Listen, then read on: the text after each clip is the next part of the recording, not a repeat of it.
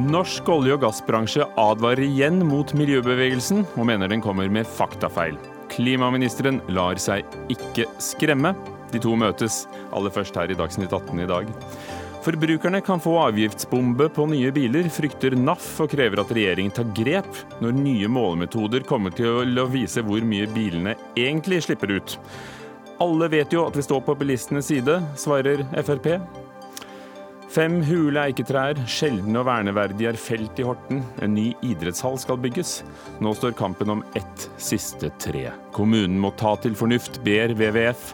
For sent å snu nå, svarer ordføreren. Og et stort spørsmål til slutt i dagens sending. Kan vitenskap og troen på Gud gå hånd i hånd?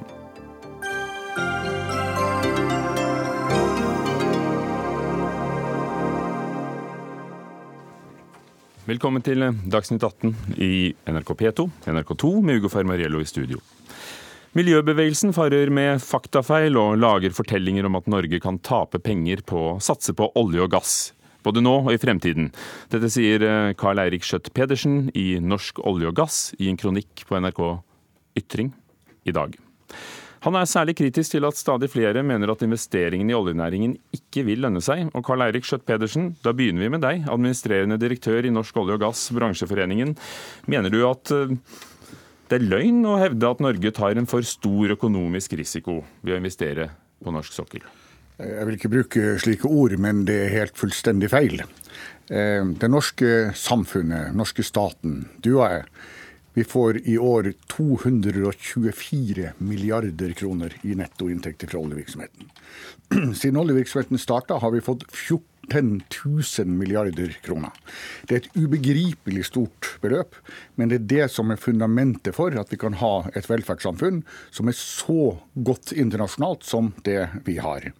Det er nå, men hva med fremtiden? Det er jo det det går på her. Hvor mye skal vi investere? I går ble det kjent at Equinor investerer 7,8 milliarder for å forlenge levetiden på Trollfeltet, som lager olje og gass. Vil det være like lønnsomt i 2050? Trollfeltet kommer til å rulle inn penger til det norske samfunnet. Og slik også de aller fleste oljeinvesteringene gjør. Så er det varierende lønnsomhet innenfor alle næringer. Men det som er spesielt for oljenæringa, er jo at summen av virksomhet skaper så en så fantastisk inntekt som oljevirksomheten gjør. Og som sagt, bare i år 224 milliarder i netto inntekter til det norske samfunnet. Det betyr at vi kan betale for et bedre helsevesen og et bedre skoletilbud enn det vi ellers kunne gjort. Og Dere har satt i gang en kampanje bl.a. på nettstedet Facebook for å, for å, understreke disse tallene. Nei, vi har, vi har, våre egne sider på Facebook hvor vi har referert ja. til det som vi har skrevet i NRK Ytring, og som nettopp tar opp at det er det er en problem hvis organisasjoner velger forutsetninger for økonomiske analyser for å prøve å gi inntrykk av at oljevirksomheten ikke er lønnsom. Ola Elvestuen, klima- og miljøminister fra Venstre. Hva synes du om kritikken? Ja, nå er det helt riktig at eh, Norge har tjent veldig store summer på olje- og gassvirksomheten. Og det kommer vi til å gjøre også i, i åra framover. Men samtidig skal vi nå eh, togradersmål og også strekke oss mot 1,5-gradsmål internasjonalt, så må også verden bruke betydelig mindre olje og gass i tiårene framover enn det vi gjør nå. Og Det vil jo også få en konsekvens for eh, norsk eh, olje- og gassvirksomhet. Og Det vi må unngå, er at vi gjør eh, feilinvesteringer. Og det er jo også Fra regjeringas side så er det jo de to viktigste sakene som vi mener vi står overfor åra framover. Det er jo én, vi skal vi skal nå våre egne klimaforpliktelser.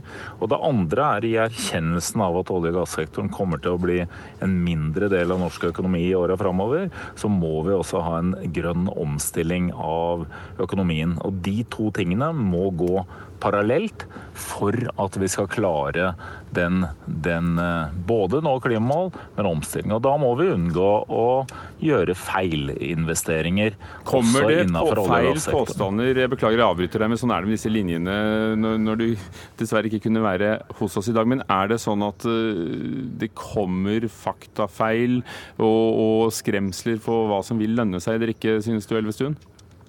Jeg syns at den diskusjonen vi har hatt de siste årene om klima, klimarisiko har vært eh, både interessant, og den løfta også diskusjonen opp og framover. For det handler ikke bare om vi, vi, skal om for eller mot olje og gass. Det handler også om den finansielle risikoen som Norge har, gjennom at vi har så stor del av vår økonomi innenfor eh, olje- og gassektoren. Og at vi nå må passe på at vi ikke gjør feilinvesteringer, mener jeg er en påpekning som også miljøbevegelsen har gitt, som er helt riktig. Fordi Parisavtalen sånn som den er i dag, er jo ikke sterk nok. Den må forsterkes, og fallet i forbruket av olje og gass må betydelig, eh, må betydelig opp i tempo eh, enn det man har sett for seg eh, tidligere.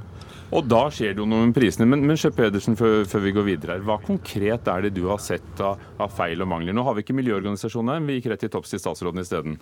Ja, eh, La meg først si at jeg tror jeg er enig i stort sett alt som Elvestuen sier. Eh, Regjeringa har nettopp lagt fram en stortingsmelding som drøfter oljepolitikken, som vi stort sett er enige om på stort sett alle punkter. Så, ja, for har, altså, Disse investeringene er jo gjort, og Trollfeldt er investert i, og Polarledd, gassledningen er jo, men, på vei. Men, men, også når det gjelder politikken framover, så oppfatter jeg at regjeringen har en veldig klar linje på å legge til rette for en fortsatt lønnsom virksomhet.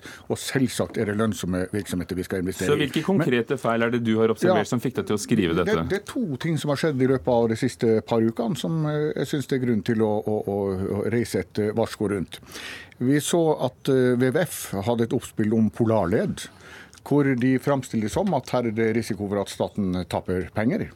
Men så er det jo slik at økonomifag er et fint fag. Som tidligere finansminister syns jeg det er et glitrende fag. Men alle utregninger hviler på hvilke forutsetninger du legger inn. Og WWF skriver altså på side to i sin analyse sitat, i beregningen er det antatt at det ikke gjøres no nye drivverdige funn som knyttes til røret. Sitat slutt. Ja, Men dette er jo helt fullstendig feil forutsetning. Da Stortinget diskuterte det, så var jo forutsetningen nettopp at man skulle knytte til flere funn. Og flertallet i Stortinget, eller Høyre Fremskrittspartiet eh, uttalte bl.a. at den store diameteren innebærer en betydelig overkapasitet i forhold til transportbehovet for dagens feltutbygginger. Dette er gjort for å utnytte stordriftsfordeler og legge til rette for gass fra nye felt og funn.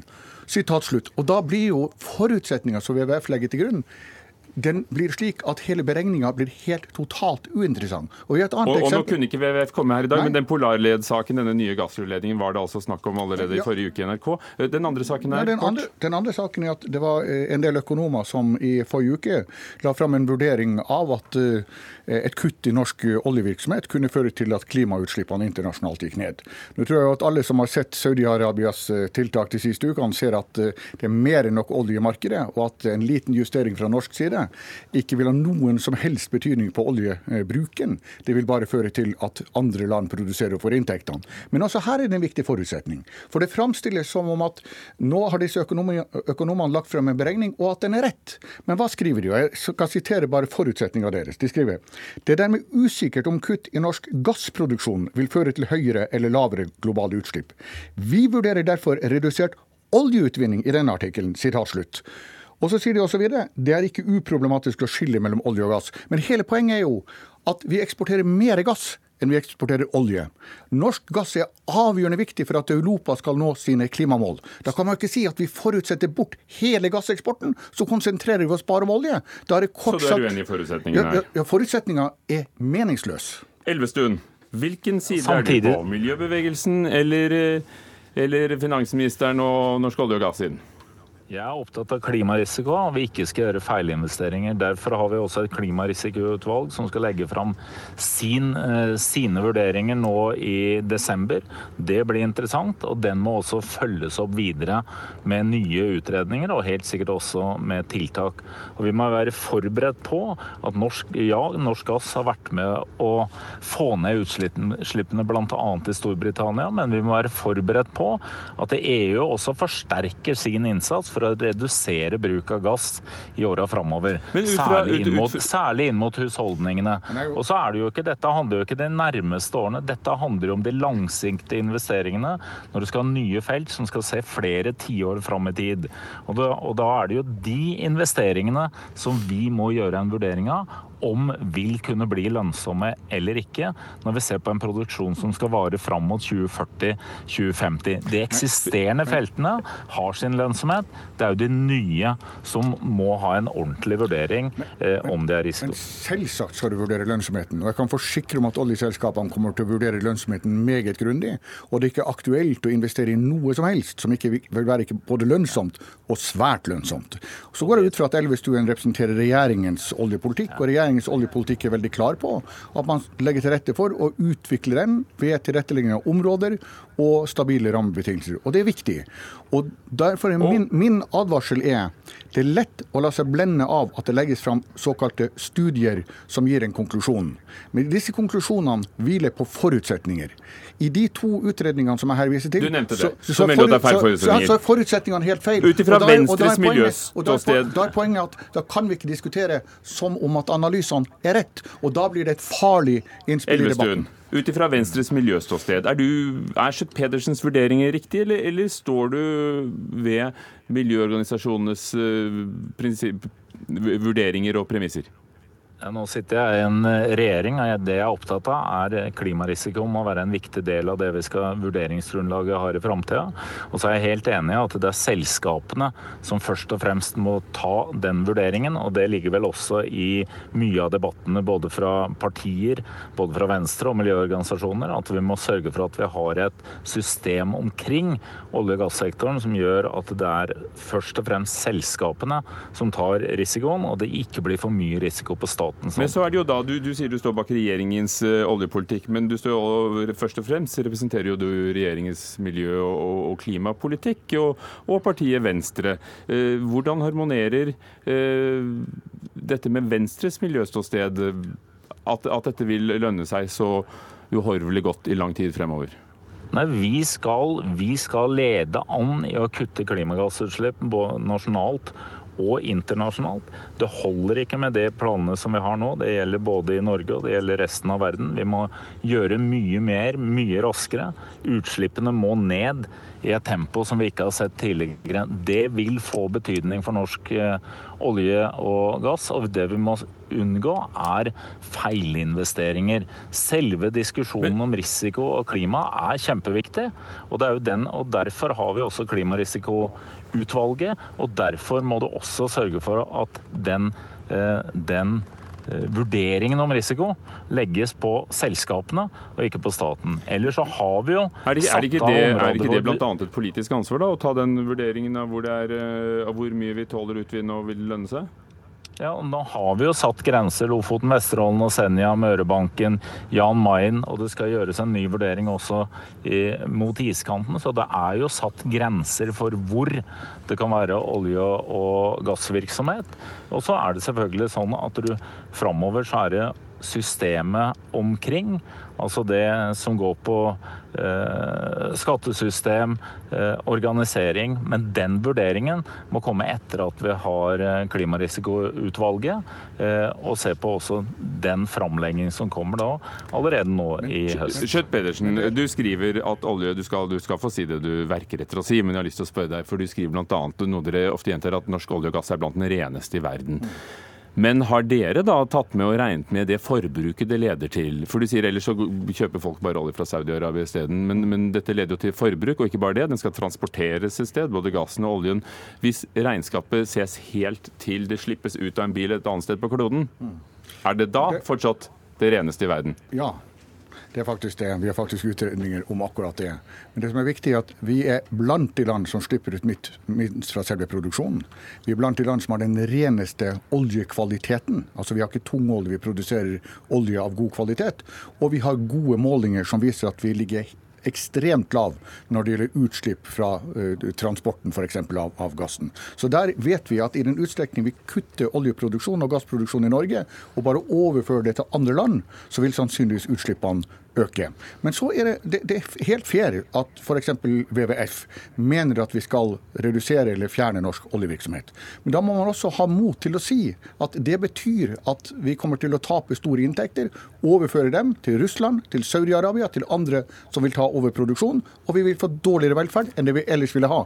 Men man må ikke prøve å lage regnestykker som viser at norsk olje- og gassvirksomhet ikke er lønnsom, for det er en meningsløs For den er jo Ola Elvestuen, formidabelt eh, lønnsom. 244 milliarder i inntekter eh, i fjor til statskassen.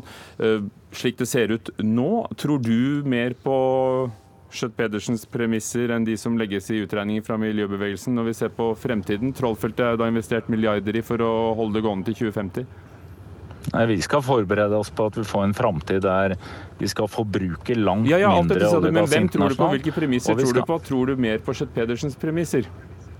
Dette er jo egentlig framtida som kommer til eh, å, å vise. Det, jeg må, det, vi, det vi skal forholde oss til, vi må forberede oss på at olje og gass mindre, blir en langt mindre del av norsk økonomi i framtida. Den grønne omstillingen den må vi Men legge opp til du, eh, tror du nå jeg, i dag. Tror du på Schjøtt-Pedersens premisser for utregningen av, av hvordan det vil se ut i fremtiden?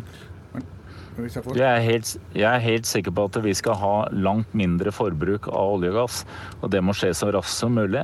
Eh, akkurat lønnsomheten Vi må sørge for at vi ikke gjør feilinvesteringer, og da må vi ha en grundig diskusjon om klimarisiko. Jeg mener den diskusjonen som også miljøbevegelsen har trukket opp, er kjempeviktig, Ja. og den er viktig Så viktig du, du tror litt Norge. på begge? Men jeg- Ja, du, du, du skal få sluttreplikk her, men Ola Men dette handler, dette handler jo ikke om å tro, dette handler jo om å gjøre grundige analyser om den situasjonen vi må inn i, og vurderinger av den. Og så må du legge opp politikken deretter. Takk, det vi har ansvar for, Takk, er å unngå å gjøre feilinvesteringer. Eh, Karl Eirik Schjøtt-Pedersen, hvor kort sluttreplikk kan du få? Jeg er jo enig med Elvestuen i at vi kommer til å se et helt annet energisystem i framtida. Vi kommer til å ha mye mer fornybar energi. Derfor bidrar nå oljeselskapene til å utvikle fornybar energi. Vi kommer til å ha mindre bruk av olje. Men de oljefelt og gassfelt som blir bygd ut i Norge, de kommer til å være svært lønnsomme. Det er norsk oljevirksomhet. Det kommer den til å være i framtida. Altså når vi varmer oss på solceller og kjører elektrisk. Hvis, hvis, man, hvis, man, hvis man mener at man skal legge ned oljevirksomheten, så er det greit å si det. Man må ikke prøve å konstruere regnestykker som sier at Karl Eirik Schjøtt-Pedersen, ikke lønnsom. direktør i Norsk olje og gass. Takk, Ola Elvestuen, klima- og miljøminister fra Venstre. Takk.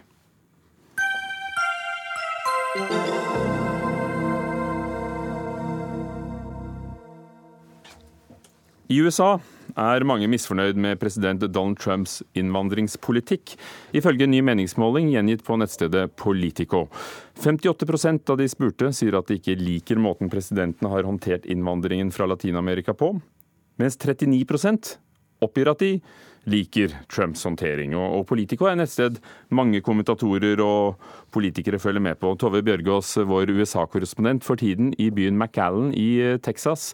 Hva annet viser denne målingen? Den viser at eh, amerikanere mener at Trump, eller at et lite flertall faktisk mener at han er, eh, har rasistiske holdninger. Eh, Det er flere som mener det enn de som ikke mener det. 48% mener han har det, 39% mener han ikke har det.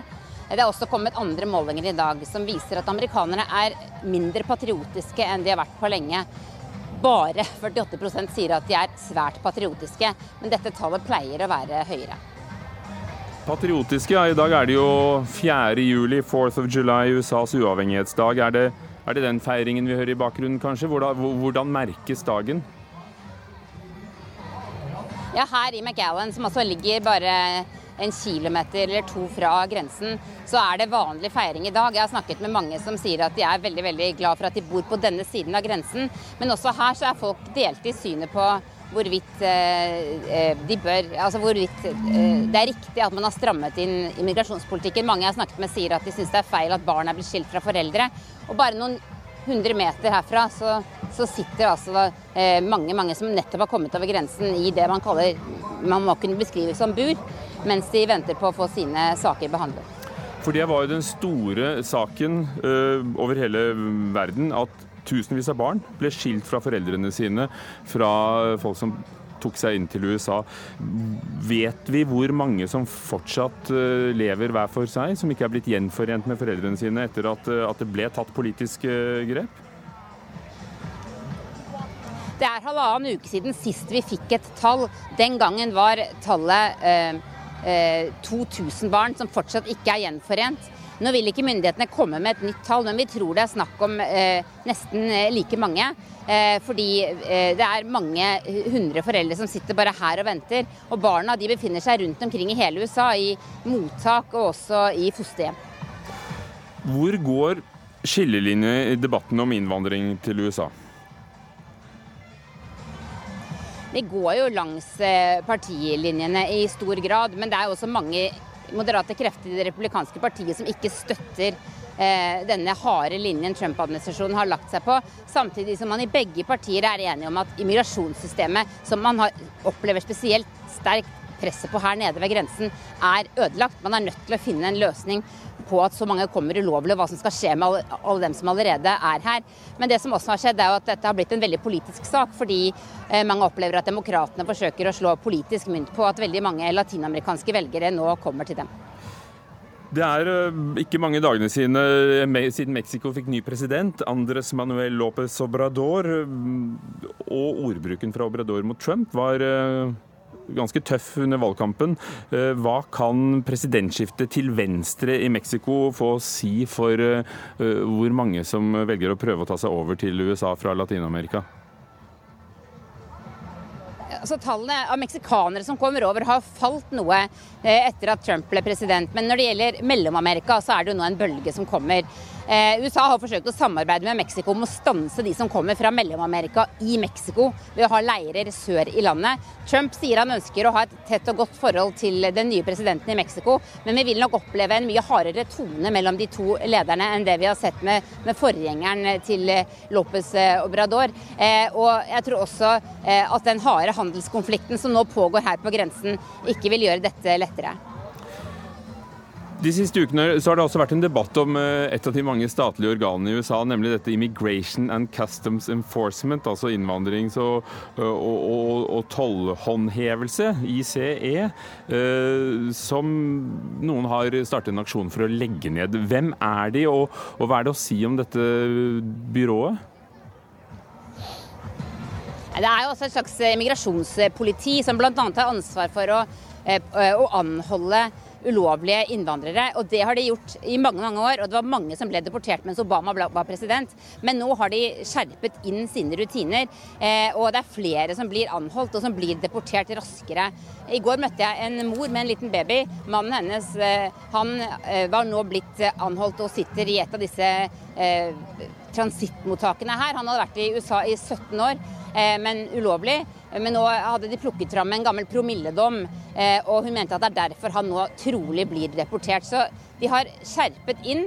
Og det finnes også politikere nå som stiller opp på demokratisk side, som mener at hele ICE bør eh, nedlegges, at man må finne et annet system. Men Trump liker å skryte av den jobben de gjør, fordi han ønsker altså mye strengere grensekontroll her nede. Ja, Du har jo da tatt turen som nevnt til, eh, til Texas og McAllen, eh, som er en grenseby inn mot Mexicogolfen. Hva, hva venter du å finne der? Hvorfor dro du akkurat dit? Nei, Det vi prøver å finne ut nå er jo eh, hvordan det går med, med, disse eh, foreldrene og barna. Som jeg sier så er veldig mange av barna ikke her lenger. De er i New York, de er i California, de er i Michigan. De er fløyet rundt i hele landet og sitter i mottak der. Men jeg snakket med en advokat i går som representerer noen av foreldrene. Noen av dem har vært uten barna sine i mer enn en måned. Eh, de får beskjed om nå at dersom de deporterer sier ja til å bli deportert, så skal de få tilbake barna før de reiser ut av landet. Mens advokatene mener at eh, de har rettigheter og bør kunne få politisk asyl. Eh, det er en, en, en, veldig veldig vanskelig situasjon her nede. Og det er også veldig vanskelig å få snakke med de det faktisk gjelder. Eh, disse foreldrene sitter jo altså da nærmest i fengsel, altså i slike forvaringssentre som vi ikke slipper inn i. Barna er stort sett ikke her. Men jeg skal forsøke å få tak i senere i dag asylsøkere som har sluppet ut. For de som kommer over grensen nå med barn, de blir ikke satt inn i disse sentrene. De får være sammen, og, og noen av dem blir sluppet fri med en gang. Eh, fedre faktisk som kommer med barn, fordi myndighetene ikke har noe sted å, å, å, forvare fedre og barn sammen. Takk skal du ha, Tove Bjørgaas eh, fra USA på denne, denne 4th of July.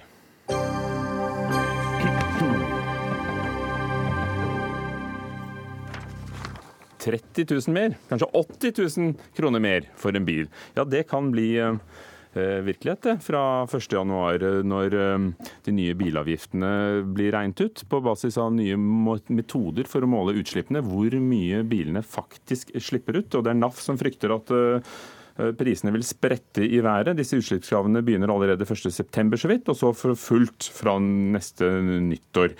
Ingunn Handegard, kommunikasjonsrådgiver i NAF. Hvor mye vil en vanlig bil koste mer etter at, eh, at disse nye måtene å måle på kommer i gang? Vel, Det skjer i to trinn. Fra 1.9 så vil prisen på en vanlig stasjonsvogn kunne gå opp med omtrent 30 eh, 000 kroner på bakgrunn av de nye måletallene. Det er en overgangsordning som er midlertidig fram til 1.1. Fra da av så kan avgiftene gå opp med 80 000 kroner, kanskje mer. Så hvilke biler gjelder dette? Dette gjelder helt vanlige biler som nordmenn kjøper i dag. Det gjelder biler som kanskje er i bestilling allerede. Kunder som har signert kontrakt på en bil, men som faktisk ikke vet hva prisen på den bilen kommer til å være. Fordi regjeringen ikke har signalisert hva de har tenkt å gjøre når de nye målemetodene i EU slår til i Norge. Regjeringen, Vi har ikke regjeringen, vi har en fra regjeringspartiet her. Helge André Njåstad, stortingsrepresentant fra finanskomiteen og Fremskrittspartiet. Ja, var det, var det, sånn dere ville ha det? 80 000 mer for en vanlig stasjonsvogn? Nei, på ingen måte. Men nå må man jo ikke se spøkelset på høylys dag, som NAF her gjør, og gå til angrep på regjeringen og Fremskrittspartiet, som faktisk har sett ned prisene på bil. Eh, siden vi overtok i 2013, så har vel en bil blitt gjennomsnittlig 40 000 kroner billigere. og Det er jo ingenting som tyder på at denne regjeringen og dette stortingsflertallet skal gå i motsatt retning og føre SV-politikk eller eh, andre sin politikk. Vi har tenkt å fortsette å føre vår politikk, og så lenge Fremskrittspartiet bestemmer, så skal bilavgiftene ned og ikke opp. Nå var du vel betrygget? Ikke helt. For eh, det er riktig som du sier at bilavgiftene har gått ned. De har gått ned mer enn 40 000 kroner. De har gått ned kanskje 60 000 kroner på en helt vanlig bil. Det, siste... ja, det er veldig bra. Og det har vært et veldig godt samarbeid mellom bilbransjen, med NAF på laget, og med flere regjeringer, også den foregående, på bilavgiftene, hvor man har flyttet avgiftene fra det som har vært under panseret på bilene, til det som kommer ut av eksosen. Og nå og det er veldig bra. viser det seg jo at disse nye målemetodene harmonerer mer med virkeligheten. At uh, vi ser virkelig hva de slipper ut ved vanlig kjøring. Uh, dette har EU innført fordi de har noen nye utslippskrav, men vi får altså målemetodene. Og det må være en god ting. Da koster det mer, da, for de slipper faktisk ut mer enn vi trodde. Det er jo et svært brått hopp i avgiftene, vil jeg si. Både 30 000 kroner fra det som kommer 1.9, og 80 000 kroner, som vi da frykter vil komme fra 1.1. For vi er ikke betrygget på at dere har tenkt til å kompensere det som nå skjer med bilavgiftene. Vi har fått noen signaler om at det vil kanskje komme i statsbudsjettet, men det er lovlig sent. Folk har biler i bestilling i dag som de ikke vet hva de må betale for når dere en gang blir enige med deres regjeringspartnere om hva utkommet faktisk blir. Ja, for hva har du tenkt å gjøre med det? 1.9 kommer det biler som allerede er bestilt og, og som koster mer. Altså, du sier at dere det... Nei, det er først og fremst det som skal skje på lang sikt som er, som er, viktig. fordi at, eh, og, og Da har man jo varsla at man skal presentere noe i statsbudsjettet. og Så må vi på Stortinget bli enige med et flertall for å fastsette bilavgiftene, sånn som alltid må gjøre. Men dette visste dere jo allerede eh, da revidert eh, nasjonalbudsjett kom. statsbudsjett. Det, dette var jo nevnt der, men det er ikke tatt høyde for. Svenskene og danskene har tatt høyde for det og kompenserer slik at de, de trekker ja, fra. Da. Ja, og det, det, er jo vår modell å selvfølgelig sørge for at nye biler, miljøvennlige biler blir billigere. og òg etter første i første. Eh, fordi at Ellers vil man få et veldig spesielt situasjon der eh, bruktbiler blir gunstigere å kjøpe for folk enn nye biler. Hvis vi skal tenke miljø, så må vi sørge for at de miljøvennlige nye bilene er de som er rimeligst for folk å bestille. Så Vi, vi vil aldri akseptere en sånn politikk at, eh, at, man skal øke prisene, sånn som NAF skremmer med her. Vi ønsker at det skal være billig å velge miljøvennlig, sånn som vi har gjort i lag med KrF og Venstre og Høyre i fem år nå. Så har vi klart å ha hatt en god politikk på bilavgiftene. og Det er ingenting som tyder på at de fire partiene ikke skal styre Norge fremdeles klokt når det gjelder bilavgifter. Mm, men vi må vente til 1.1 til et nytt budsjettår? er Det sånn? Det er jo alltid sånn at man må vente til man blir enig om et statsbudsjett. Eh, spesielt når det er en mindretallsregjering, så må man jo vente til et flertall på Stortinget er blitt enige om en, eh, en pakke på bilavgiften og hvordan man rammer den inn. Så Sånn er det jo. at Statsbudsjettet betyr noe for, for folk, og, og, hvem som styrer og hvem som har innflytelse, betyr noe for folk.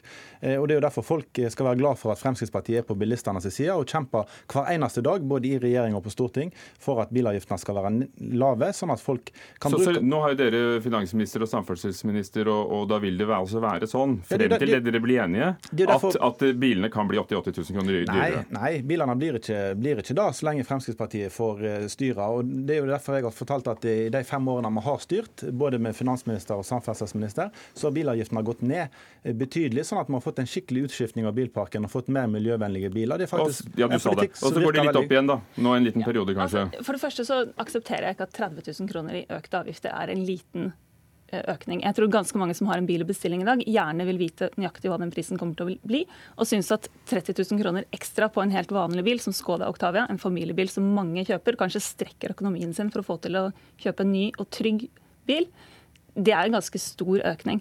Og det er veldig sent å komme og si at dere skal bli enige i statsbudsjettet. Kanskje de ikke blir enige før rett oppunder jul. Dette er en ganske alvorlig situasjon sånn som det er nå. Eh, vi får ikke svar. Vi har hatt møter, vi har sendt brev. Vi har bedt om å få en redegjørelse på hva dere har ønsket å gjøre. Og det kommer altså hvor ingenting. Har, eh, hvor lenge har dere vært klar over eh, dette her? Altså, det at det kommer nye målmetoder, det har jo EU jobbet med veldig lenge. Så har det blitt framskyndet pga. det som skjedde med Volkswagen i 2015. At de jukset på målingene sine? At de jukset på målingene sine. Og så har man pushet på for å få en riktigere målemetode. Det er da denne WLTP. Mm. Og det er jo lenge siden vi satt i møter med alle politiske partier og med Finansdepartementet og sa hva er dere har tenkt å gjøre? For vi vet at den overgangsordningen som nå trer i kraft fra 1.9, ikke er god nok. Er du trygg på de utregningene dere kommer med? Ja, det, det med 30 000 f.eks. For, for en viss bil, da?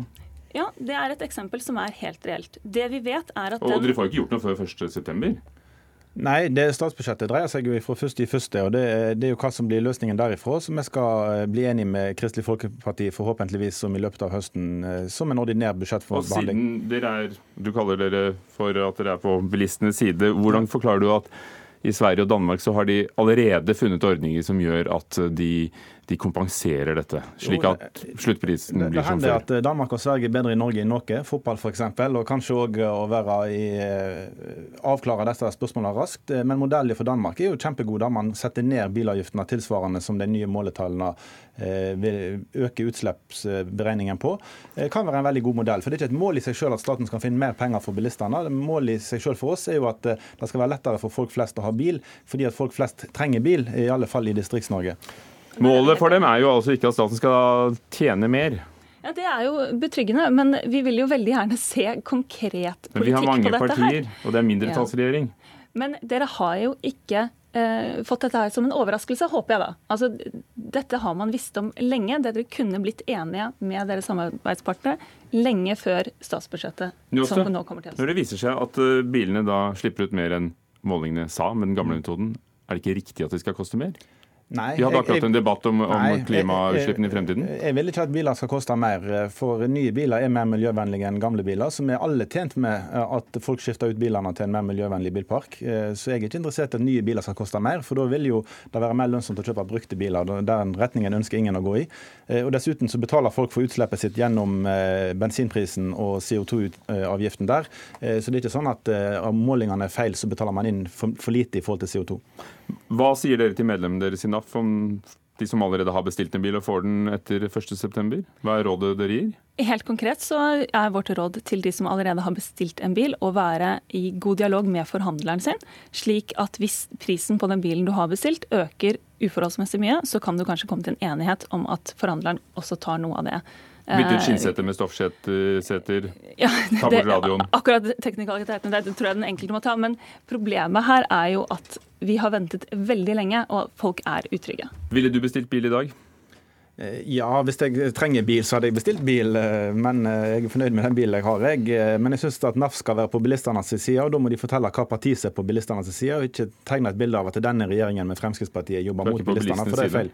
Det syns jeg er et veldig spesielt angrep på NAF. Altså, Vi er en partipolitisk helt uavhengig organisasjon. Vi har medlemmer av alle partier. Jo, men Hvem er det som leverer mest til bilistene, da? Det må jo være dagens regjering. Vi har hatt et godt samarbeid med regjeringer av ulike farger i lang tid. Og akkurat det som skjer nå, er det vi snakker om. Og det er at bilavgiftene kan gå opp med 30 000 kroner fra 1.9. og enda mer. Sier, takk skal dere ha. Bilavgiftsdebatt i regjeringen blir det til høsten. Helge André Njåstad, Fremskrittspartiet, Ingunn Hannegard fra NAF, takk skal dere ha.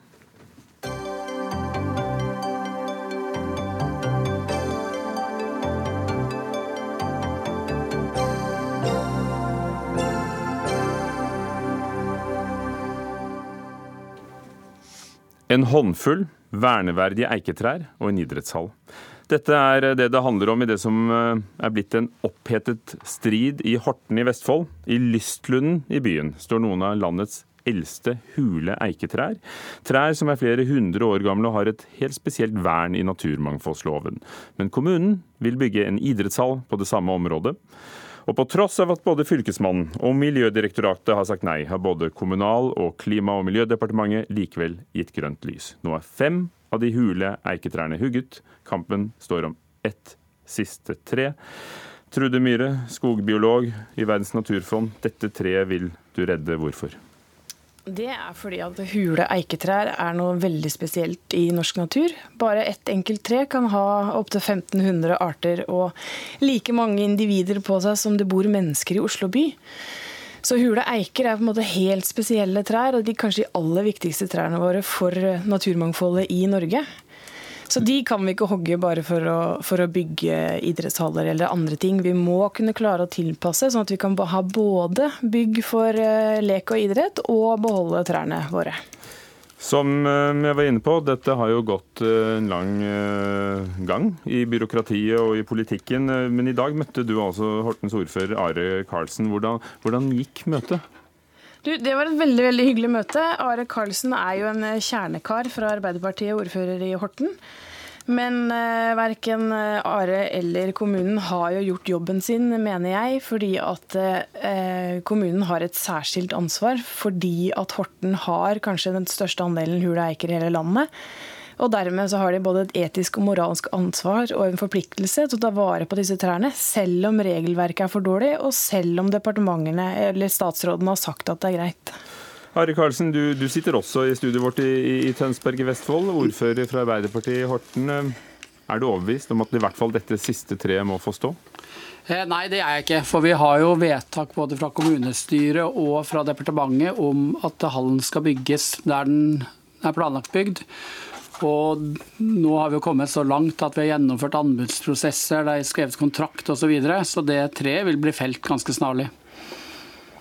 Hule eiketrær er altså en helt spesiell art i naturmangfoldsloven. Og, og hvor opptatt er det å ta vare på trærne? Hvis vi ser bort fra saksbehandling og, og alt sammen, hvorfor vil du ikke ta vare på det? Jo, Vi er veldig opptatt av å ta vare på det, og vi har jobba veldig mye med problematikken. I parken så har vi hatt ca. 130 av den type trær. Eh, I det første forslaget til hals så var det snakk om å felle 11. Så har vi jobba mye med å optimalisere det, sånn at vi nå er nede i seks trær som må felles. Så vi har lykkes med å redusere antall trær, nettopp fordi vi mener det er veldig viktig å bevare de. Du, av... du har lykkes i å redusere antall trær som, altså, skulle... som må skulle felles, ja? ja. Men idrettshallen måtte ligge akkurat der. Hvorfor? Det handler om at vi får en helt ny videregående skole i Horten eh, som satser mye på idrett, og da må være en hall i nærheten. Eh, av de alternativene som er i nærheten, så landa vi på at det her var det beste. Det er negativt at vi må felle hule eiker, men de andre alternativene innebar at vi måtte ta større grøntarealer. Det aller meste av den hallen blir nå liggende på det som i dag er parkeringsplass og asfalt. Alternativet ville vært å ta grønne områder. Så da landa vi på den løsningen. Trude Myhre, her er interesser veid opp mot hverandre. Dette ligger nå mest på asfalt, og det er mange trær igjen. Mener du at Karlsen ikke har tatt ansvaret sitt? Ja, jeg mener at eh, det rett og slett er en saksbehandlingsfeil. At man ikke har klart å komme fram til en løsning der man faktisk bare brukte asfaltareal til å bygge hallen. For vi har fått en arkitekt til å se på saken, og det er plass der som det er eh, asfalt i dag. Og man kunne beholdt både kunstgressbaner og andre fotballbaner i nærheten, og beholdt trærne. Men hvorfor kommer dere med dette nå, etter at dette er vedtatt og har vært gjennom både Miljødirektoratet, Fylkesmannen og to departementer? Det kan du si at det er seint i saken at jeg og WWF kommer inn i bildet. Men det handler jo om at jeg trodde at disse, hul, disse hule eikene allerede var hogd for lenge siden. Og så kommer det lokale naturvernere til meg og sier at ja, men Trude, de er jo ikke hogd har du mulighet til å gjøre noe? Og så skulle jeg i møte med Atle Hamar, som er statssekretær i, i Klima- og miljødepartementet, og la fram saken for han. Og deretter så har saken utvikla seg videre derfra. Og nå skjedde jo det at de hule eikene sto jo eh, til to dager etter møtet mitt med Atle Hamar, statssekretæren. Og han rakk ikke å få ut fingeren og redde trærne før de da var felt av kommunen. Han er ikke med oss, men, men Are Karlsen, ordfører. Denne lystlunden hvor disse trærne står, de ble gitt altså til Hortens befolkning av marinen i 1852 som park til rekreasjon og forlystelse. Du kjenner betingelsene fra marinen? Ja, jeg kjenner til, kjenner til de. Hva var de da? Nei, Det sto vel den gangen at det ikke ikke skulle bebygges eller hogges i parken. Ja, Det står vel der fortsatt, det? Ja, og det har vi undersøkt grundig om det er noen offentlige myndigheter. Altså Det ble jo gitt fra offentlige myndigheter om det er noen offentlige myndigheter som har innsigelser mot den planen for idrettshall.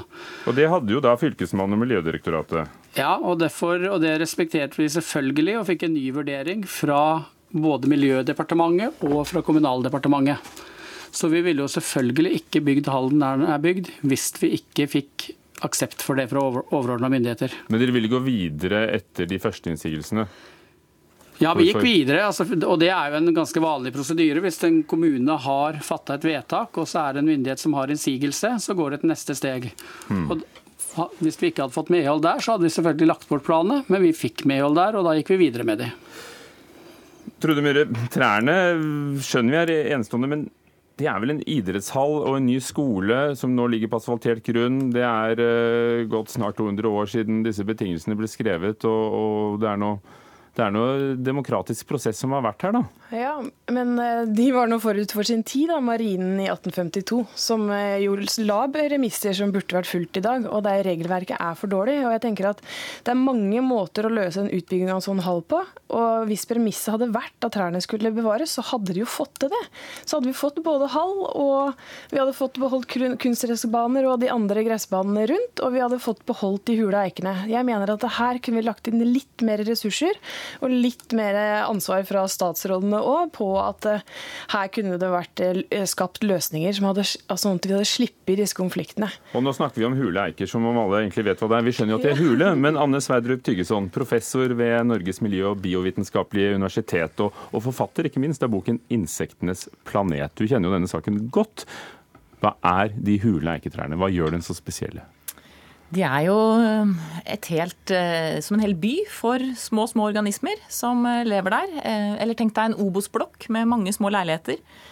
Hvor det akkurat som i en blokk lever mange leieboere med hver sin spesielle jobb å gjøre. Hvem er de? De er insekter. De er sopp, de er lav. Det er særlig mange insekter.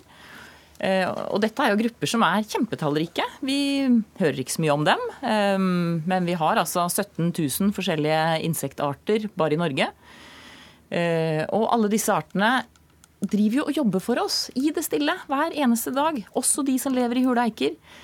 Og gir oss goder og tjenester som vi mennesker trenger. Og derfor er det jo så sørgelig at vi ikke bryr oss mer om dem, vet mer om hvor viktige de er, og hvor mye vi trenger dem. Hvordan blir trærne hule? Det skjer, over, eh, det skjer over lengre tid, gjerne med at en gren brekker av, eh, sånn at det kommer soppsporer inn fra en råtesopp. Så myknes veden litt, sånn at insektene kan gnage videre, og det blir et hulrom inni midten. Og inne i det hulrommet så dannes det altså en sånn myk masse som kalles vedmull. Eh, og det er en gourmetrestaurant for insekter og småkryp. Der inne i den vedmulla finner du hundrevis av utrydningstruede insekter. Eh, og i eikene i Horten-området så har vi jo funnet flere sånne biller, utrydningstruet. Arter som står på eh, den, altså den internasjonale naturvernunionens rødliste over utrydningstruede arter, altså på global basis. Som lever i hule eiker. Ikke akkurat disse som har blitt felt, men i området som en helhet. Det står jo fortsatt uh, over 100 trær igjen i Horten av hule eiker. Hvorfor var det så viktig med akkurat disse seks trærne? Det er viktig med helheten. For det her, det her, blir litt som å spørre hvorfor er det viktig å ta vare på en hel rekke med trehus i Bryggen i Bergen? Hvorfor holder det ikke å ta vare på ett eller to, og så kan vi bygge et kjøpesenter på resten av arealet? Dette utgjør jo et, et helhetlig, unikt miljø. Akkurat som Bryggen i Bergen gjør det for kulturhistorien så er dette et unikt miljø for arter som lever i tilknytning til hule eiker. Du, du har jo ansvar for et nasjonalt overvåkningsprogram for, for hule eiker. Hvordan skal det gå? Når det... du ser at eh, departementene gir tillatelse til felling? Ja, nei, altså det, Gjennom det overvåkingsprogrammet får vi iallfall data på hva som faktisk skjer. Og det er jo alltid en viktig ting, da, å vite hva som skjer. Men samtidig så så holder det jo ikke å følge med på ting. Vi må jo gjøre noe også. Men vil du alltid være imot felling? Eh, en idrettshall er eh, et godt formål som byens befolkning er blitt eh, enige om, i hvert fall ja. et flertall. Og Det er mange gode formål der, der, ute. og Noe av poenget med hule eiker de er jo ikke fredet, de er en utvalgt naturtype. og Poenget med det virkemidlet i naturmangfoldloven er jo at det skal gjøres spesielle vurderinger for, før man feller en. Og jeg synes at i dette tilfellet Eh, altså, dette er et nasjonalt unikt eikeområde i Norge. Eh, Lystlunden sammen med Hortenskogen og det som heter Kalliansvern, det større området rundt der. Eh, der burde man virkelig la hensynet til eikene og artene som lever i dem, gå foran. Og jeg håper jo at med ny handlingsplan for hule eiker, som kommer nå snart, så vil områder som dette bli blinket ut som viktige. Å få en skjøtselsplan der hensynet til eiketrærne og artene står i høysetet. Og Det er viktig selv i en tid hvor eikeskogen i Norge faktisk vokser igjen, etter at vi hadde hugd ned det meste til å lage seilskuter av. Ja, men det er forskjell på en hvilken som helst eikeskog og et hult eiketre. For de blir jo ikke hule før de er flere hundre år gamle. Og det er noe med at det tar fem minutter å felle en hul eik, og så er leveringstiden 500 år. Så det er viktig at man tenker seg om før man gjør dette. Ari Karlsen, er du sikker på at dere har besluttet rett i Horten? Jeg er i hvert fall sikker på at et veldig klart flertall har gått for den løsninga. Men jeg har også lyst til å ha litt fokus fremover, for jeg er helt enig at dette er et fantastisk område. Og vi er veldig stolte av de trærne som er. Og kommunen har derfor også anskaffa mer kompetanse på det, ansatt fagfolk på det. For som sagt så nå er det vel 123 hule eiker som står i den parken. Det er én til som skal felles. Og vi er veldig opptatt av å ta vare på de som er der nå videre på en god måte. Og da ønsker vi også samarbeide Men hvordan skal dere hindre at det kommer noen som skal bygge en barnehage, som f.eks. kunne ligget akkurat der det ligger noen hule eiker. Altså et eller annet sted, så Disse bildene taler ikke for seg selv, for å si det sånn, selv om vi har funnet to gode Nei, men jeg tror, eller jeg vet at ingen av de områdene i parken hvor det nå er eiker, er aktuelle for større nedbygging. Altså det området vi bygger på nå, er jo parkeringsplassen. Resten er grøntarealer som vi ønsker å bevare. Men vi bygger ned parkeringsplassen og får parkering i kjelleren. Men da måtte vi dessverre ta de seks eikene. Men vi er veldig opptatt av å bevare det naturmangfoldet som er i parken, videre. Noe av kritikken Karlsen, er at det først i, april 2016, ifølge en oversikt Aftenposten har laget, så nevnes de hule eikene i denne planprosessen. Har det vært skjøvet litt under en stol? Har det, kommet, har det vært sånn at folk kanskje ikke har vært helt klar over det i, i, i, i hvordan dere har kommet frem til å bygge hallen akkurat der? Jeg kjenner ikke detaljer i alle forarbeidene og hvor mye diskusjon har vært om det. og Det kan godt hende vi ikke har hatt nok kunnskap om det, men før endelig beslutning ble tatt, så var det jo veldig mye fokus på det og veldig mye diskusjon om det. Mens vi holdt på med den prosessen i fjor, lærte i hvert fall jeg veldig mye om hule eiker. Trude Myhre, skal eh, i WWF skal alltid eh, natur, selv om den er verdifull, få stå? Jeg tenker at Det bitte lille vi har igjen av det tidligere sammenhengende eikeskogsbeltet, det må få lov å stå igjen. For nå har vi bare bitte små rester og fragmenter. og Det er litt som Anne sa om Bryggen i Bergen. Du tar ikke bort halvparten og så bygger noe annet der. Det er litt samme, Jeg pleier å bruke eksempler med stavkjerker. Jeg er jo fra Høyjord i Andebu i Vestfold, og da har jeg en stavkirke. og det er jo ikke sånn at Fordi at den er litt mindre fin enn Heddal stavkirke, så kan vi bare brenne ned den. Og det, Sånn blir det litt med disse trærne. at det, hvert enkelt tre er et unikt samfunn som vi er Men det nødt til å 100, er over 100 trær. Vi har under 30 stavkirker i Norge. Ja, men det er ikke så stor forskjell på 30 og 100. 100. Og du vet at med alle disse individene som bor på hvert enkelt av disse trærne, så må vi huske på at Are Karlsen er også ordføreren til dette enorme mangfoldet til, eh, på disse trærne, og alle disse ukjente og kjente artene. Og jeg tenker at det kanskje enda viktigste med dette eksempelet er jo at eh, det er et eksempel som viser at regionreformen og den overføringa av miljøoppgaver fra fylkesmannen til fylkeskommunen som Hagen-utvalget nå har foreslått, La, la, la oss nå ikke gå inn i hele regionreformen nå, for her har saksgangen gått etter det, som- det som har vært nå. Men tror du, Are Karlsen, når skal dere hugge det siste treet? Nei, Jeg vet ikke akkurat når det blir hugd. Eh, Vi har et politisk vedtak om det, og hallen skal bygges om ikke så veldig lenge. Så administrasjonen har jo oppgaven med å, å forberede det. Så det kan eh, Det vil nok bli hugd ganske snarlig. Men det er fagfolka som gjør, litt avhengig av det Anne. Sverdrup Tyggeson, er det, er det viktig å la dette ene treet stå igjen? Det er klart at det er fint om det hadde kunnet få stå, men jeg tenker eh, det er jo utrolig viktig at man ser helhetlig framover her. At man tar vare på alle de andre trærne i området og lager en helhetlig plan nå som sikrer at de får stå, og som Og- sikrer rekruttering av nye hule eiketrær. Er du fornøyd med saksgangen som den har vært? Jeg syns jo det virker som en veldig pussig saksgang. Eh, Det har vært spilt inn mange ganger underveis at dette er et unikt eh, og viktig område. Sa du ifra? Jeg har sagt ifra på mail eh, i tidligere sammenhenger. Både til kommunen, Fylkesmannen og Miljødirektoratet om verdien av dette området. Jeg fikk aldri svar på den mailen, faktisk, fra noen av de. Det var i 2015. Um, Are Karlsen, kort sluttreplikk om har dere gjort det riktig?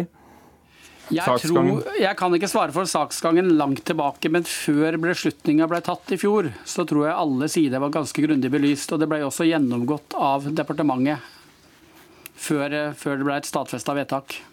Og enn så lenge så kan vi da, i hvert fall i noen dager til, se det siste av disse trærne og de andre hule eikene i Lystlunden i Horten. Takk skal dere ha, alle sammen. Are Karlsen fra Arbeiderpartiet, ordfører i Horten. Anne Sverdrup Tyggeson, professor ved Norges miljø- og biovitenskapelige universitet, forfatter av 'Insektenes planet', og Trude Myhre fra WWF.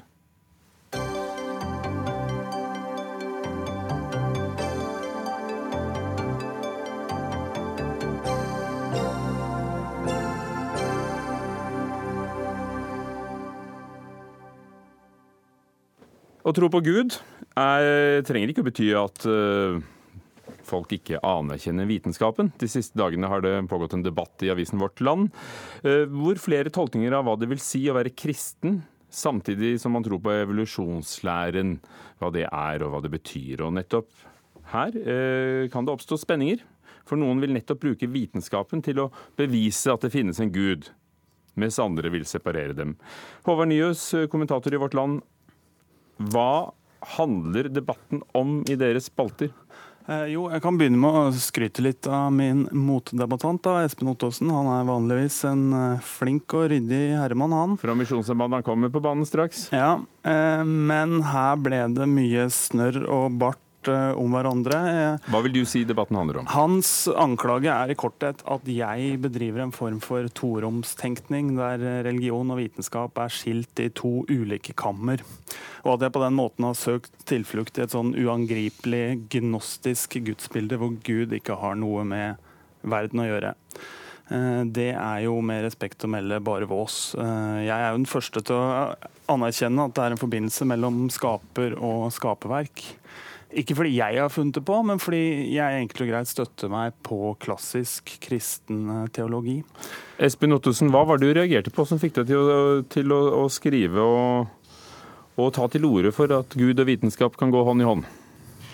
Ja, Antagelig så er jo jeg og Håvard Nyhus eh, ganske enige om at tro og vitenskap kan gå hånd i hånd. Eh, Det vi kanskje er litt mer uenige om, er hvordan vi får, dette til å passe godt sammen. Eh, Og jeg syns det er flott at eh, Nyhus nå er veldig tydelig på at han ikke opererer med noe sånn tokammertenkning, og at han ikke skiller tro og vitenskap veldig skarpt fra hverandre.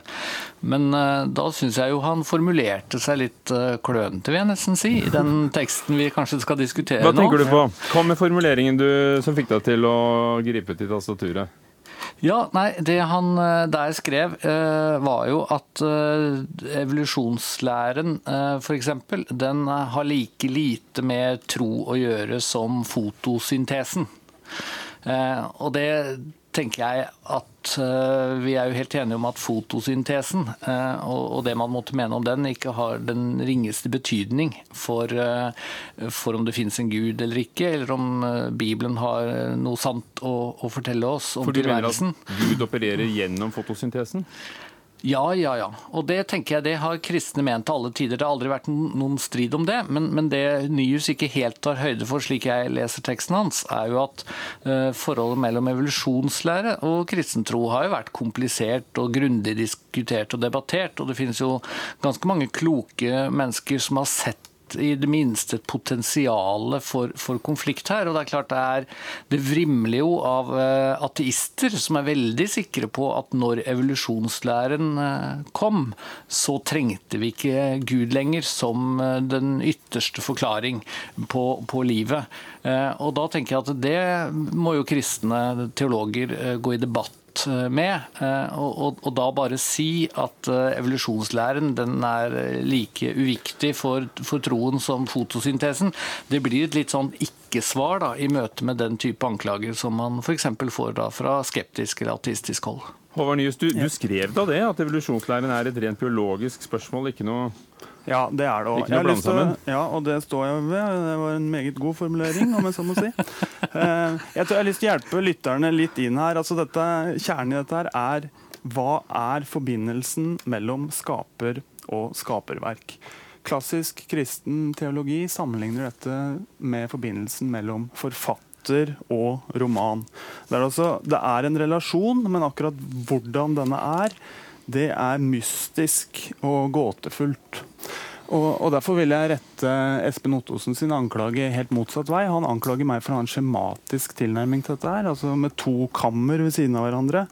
Jeg vil jo påstå at det er Espen Ottosen som har en rigid og litt sånn enkel, skjematisk tilnærming til det her, når han f.eks.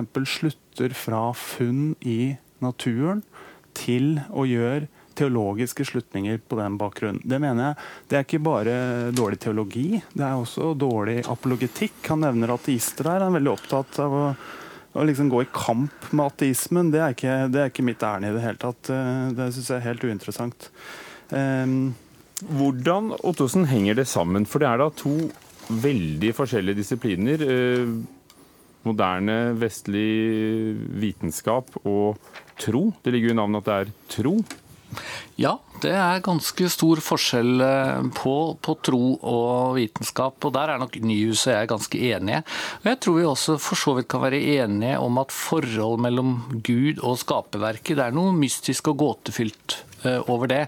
Eh, Så hvorfor ikke bare anerkjenne at dette er to størrelser? Men, men, det er jo nettopp fordi det er mystisk og gåtefylt, men det er samtidig en sammenheng. At, at eh, denne debatten syns jeg er interessant, den er viktig, og den er til og med litt vanskelig. Og det er jo der jeg syns Nyhus hopper litt forbi at dette er vanskelig, selv om man nå sier at det er mystisk og gåtefullt.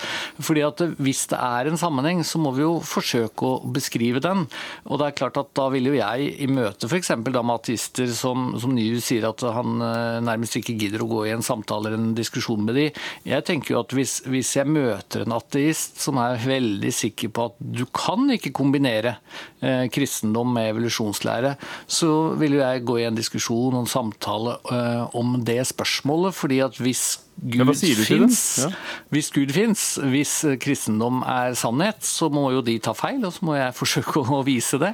Eh, og, og jeg eh, eh, tror jo at det fins eh, ganske mange gode uh, argumenter. Kanskje Nyhus også er enig med meg i noen av de, ja. for, for, at du kan kombinere uh, vitenskap og, og gudstro. Uh, nei, jeg holdt på å si det mest opplagte er jo at selv om f.eks. hvis evolusjonslæren er fullt og helt korrekt, så sier den jo bare hvordan livet har utviklet seg, men den sier ikke noe om hvordan livet har startet, eller hvordan universet har startet. Så behovet for en som en, en kraft, en, en designer, en, en, som startet det hele, en som lagde naturlover. Jeg vil si behovet for en gud er like stor, eh, selv om, eh, selv om den type naturvitenskap er, er helt mm. korrekt, og vi kan slutte oss til den. Håvard Nyhus. Ja. ja, da vil jeg si, altså Espen Ottosen står selvfølgelig helt fritt og krangler så mye han vil med ateister, men det er veldig viktig at han holder tunga rett i munnen. Eh, og det gjør ikke alltid Espen Ottosen. Han, han tar naturvitenskapelige funn og trekker så teologiske slutninger på den bakgrunn. Det er altså, som jeg sier, dårlig teologi, i tillegg til at det er en svært risikabel strategi. For vitenskapen er i konstant endring. Det kommer mm. nye funn hele tiden. Espen Ottosen er veldig opptatt av at universet er finjustert, bl.a. Og, te, og, hevder at det er eh, til belegg for Gud, Gud og hans eksistens. Det er en dårlig strategi. Klokken vår er finjustert. Så jeg må dessverre si takk. Håvard Nyhus i Vårt Land, Espen Ottosen i Misjonssambandet. Finn Lie hadde det tekniske ansvaret. Ingebø Sæbu var ansvarlig for hele Dagsnytt 18. Ugo Fermariello programleder. Takk for i dag.